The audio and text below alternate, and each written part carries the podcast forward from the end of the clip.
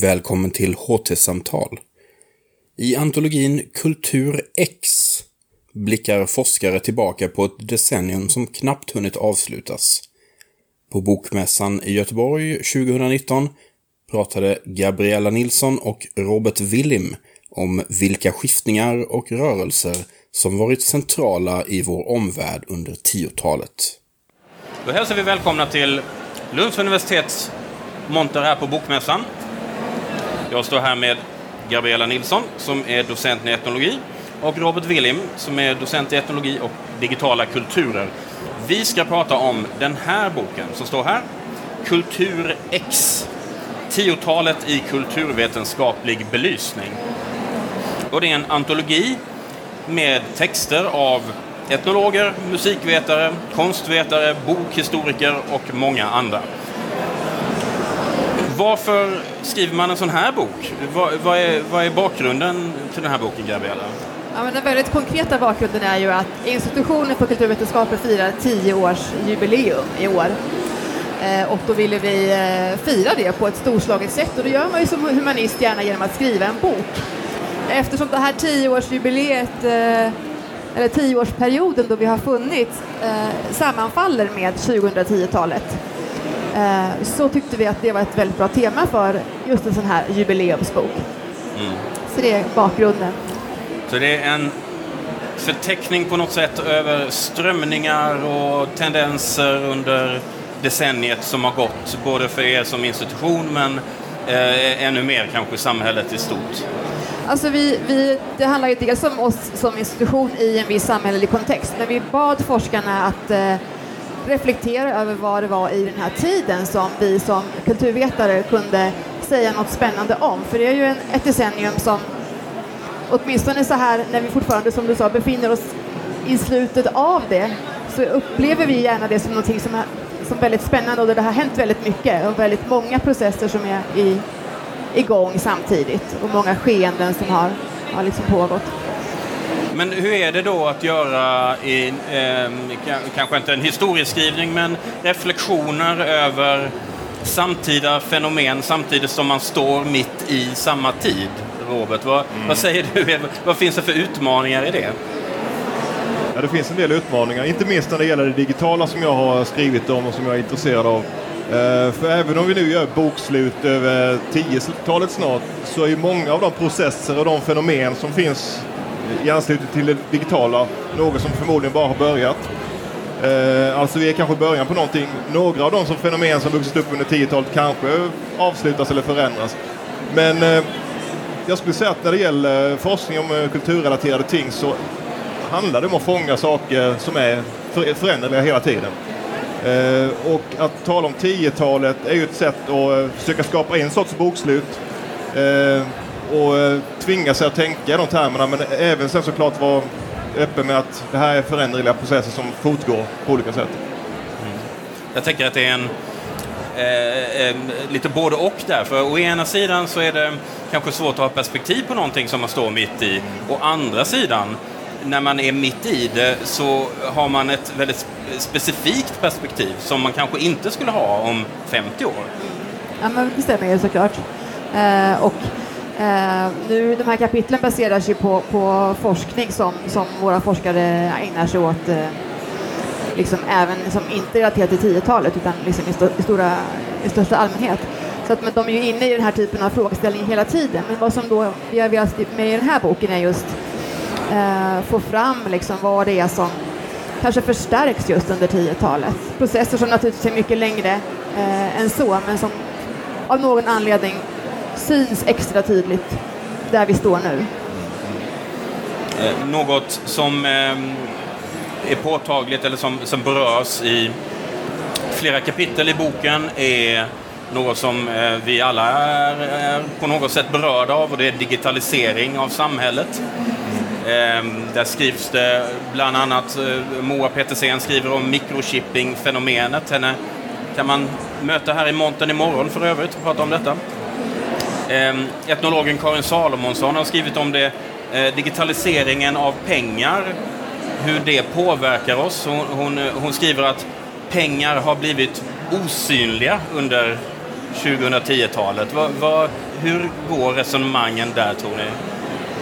Ja, men det är ju en, det är ju en ganska så radikal skillnad i hur mycket av vår hantering, vår pengahantering som faktiskt sker i form av fysiska pengar. Det är ju en sån förändring som har gått ganska så snabbt och som man kan liksom se just under 10-talet. Att det från att, vi, från att pengar, alltså fysiska pengar var någonting som vi faktiskt höll på att ägnade oss åt så, så tror jag att det bara är ungefär 10 procent av eh, transaktioner som sker med faktiska mynt och sedlar idag. Så den processen har ju verkligen förändrat eh, väldigt mycket av liksom våra köpbeteenden.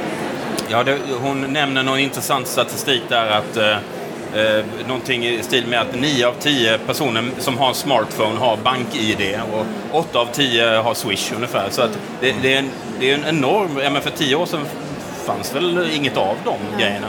Ehm, men men det, det gör ju också någonting kanske med vår relation till pengar. Alltså jag tänker från det fysiska till det, ja vadå, ettor och nollor.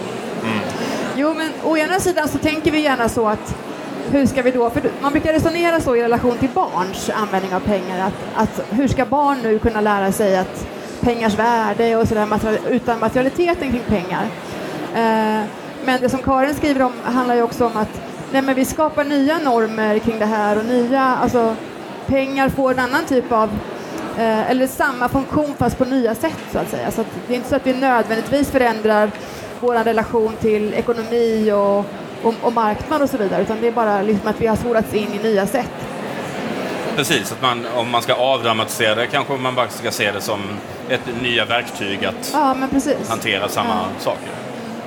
Ehm, Salomonsson pratar också att de digitala pengarna har gått från att vara någonting som när det, när det introducerades de här olika betalsätten och sådär att det kanske sågs mer av, av, ganska många människor med lite sådär, man såg lite snett på det, man undrade, man var lite tveksam, lite misstänksam mot det. Men att det under årtiondet här har de, den, eh, eh, de digitala pengarna har domesticerats. Mm, precis, och snarare har det blivit de som framhärdar i kontantanvändning som har liksom lite misstänkliggjorts. Och Just det. Är, är de då kriminella eller liksom vill de, är de bedragare på något sätt för att de inte vill, eh, för att de vill då genom kontantanvändning dölja sina, sin konsumtion liksom i det digitala på något Det är sätt? ett, det är ett spännande skifte Ja, som verkligen gått från det ena till det andra. skifte. Precis. Eh, där, där nästan kontanthantering är något, eh, det, är något fuffens på något Precis, sätt. det är något fuffens. Alternativt någon som är otroligt teknikfientlig då. Ja. Ja, det har också diskuterats som ett mot, en motståndshandling mot hela det här, eh, det som du skriver om Robert, den globala liksom, eh, kontrollen och Precis. Eh, och en röd tråd i de här kapitlen om digitalisering är ju också kontroll, övervakning, spårning. Eh, Karin skriver bland annat att personuppgifterna har blivit ett betalningsmedel i sig. Och Robert, du skriver ju i ditt kapitel om den digitala utvecklingen och, och hur, hur den har lett till krav på transparens från eh, de här stora IT-jättarna. Kan du, kan du berätta lite om, om det? Yes, och det är spännande som en förlängning på Karins kapitel om där hon talar om osynliga pengar och eh, hur det osynliggörs och det finns på olika sätt eh, eh, någonstans i eh, den digitala rymden. Och ehm, eh, i takt med att mer och mer har eh, hamnat i eh, digitala tjänster och eh, del av eh, nya tjänstestrukturer där eh, till exempel aktörer som Google och Facebook tillhandahåller tjänster som inte har funnits innan så finns det också ett, eh, ett ökat behov av att veta vad är det egentligen som händer bakom kulisserna till alla de här tjänsterna. Och eh, det som är förlängning på även tidigare komplicerade processer. Det finns ju några, eh, det var väl Hasse och Tage som frågade sig var det inte det, vad, vad är det som händer i banken efter klockan fem, tre sådär. Eh, det är också kring större institutioner har det alltid funnits en, eh, en sorts ehm, icke-transparens. Vi vet inte alltid vad som händer bakom kulisserna. Ehm, och ehm, idag så tror jag det är extra brännande med eh, ännu mer svårgripbara infrastrukturer och veta vad som egentligen händer. Och då har ju de här olika aktörerna ibland av egen vilja men oftast påtvingat försökt att visa på eh, vad är det som egentligen försiggår genom att eh, ha olika kampanjer kring transparens etc. Och du, du skriver bland annat om Googles eh, så kallade rapporter. Ja. V vad- vad innebar de? Hur Ja, uppstod det. de och varför?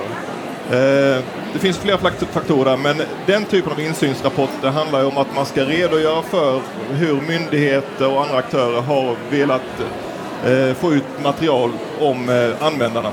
Eh, och då redogör de alltså för det. Eh, men de redogör inte särskilt mycket för sina egna praktiker och sina egen, eh, sin egen infrastruktur och hur den är uppbyggd. Och eh, det talas mycket om Googles algoritmer och så vidare. Det är någonting som är företagshemlighet som man inte kan gå ut med hur som helst.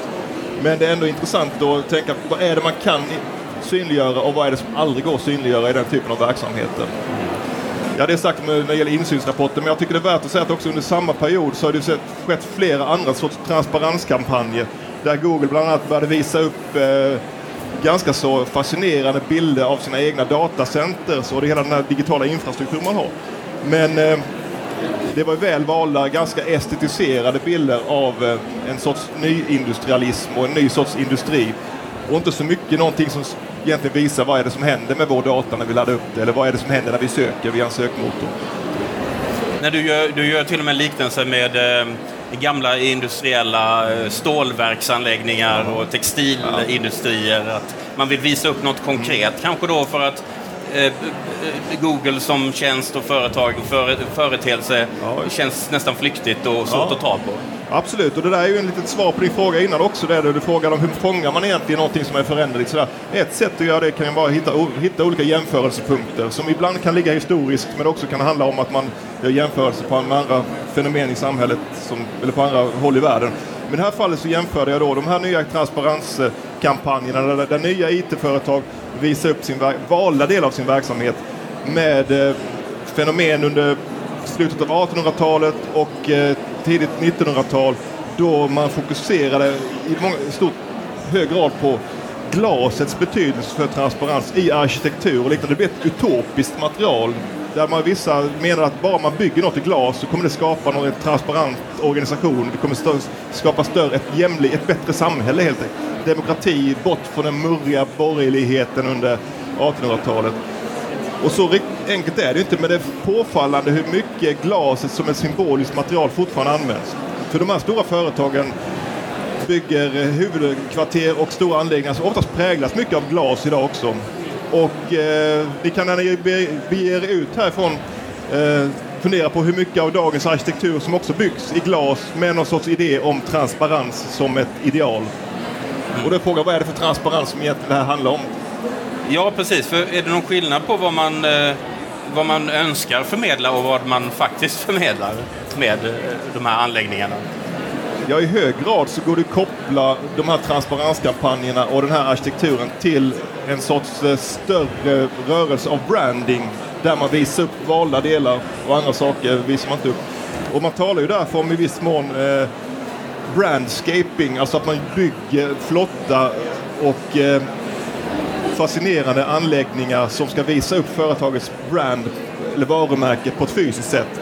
Exempel på det är ju Apple Store, Nike Store, den här typen av eh, eh, flaggskeppsbutiker som man kan se in i, i men också då vissa produktionsanläggningar som man försöker visa upp eh, eh, som ska ge en bild av var, de positiva sidorna hos varumärket.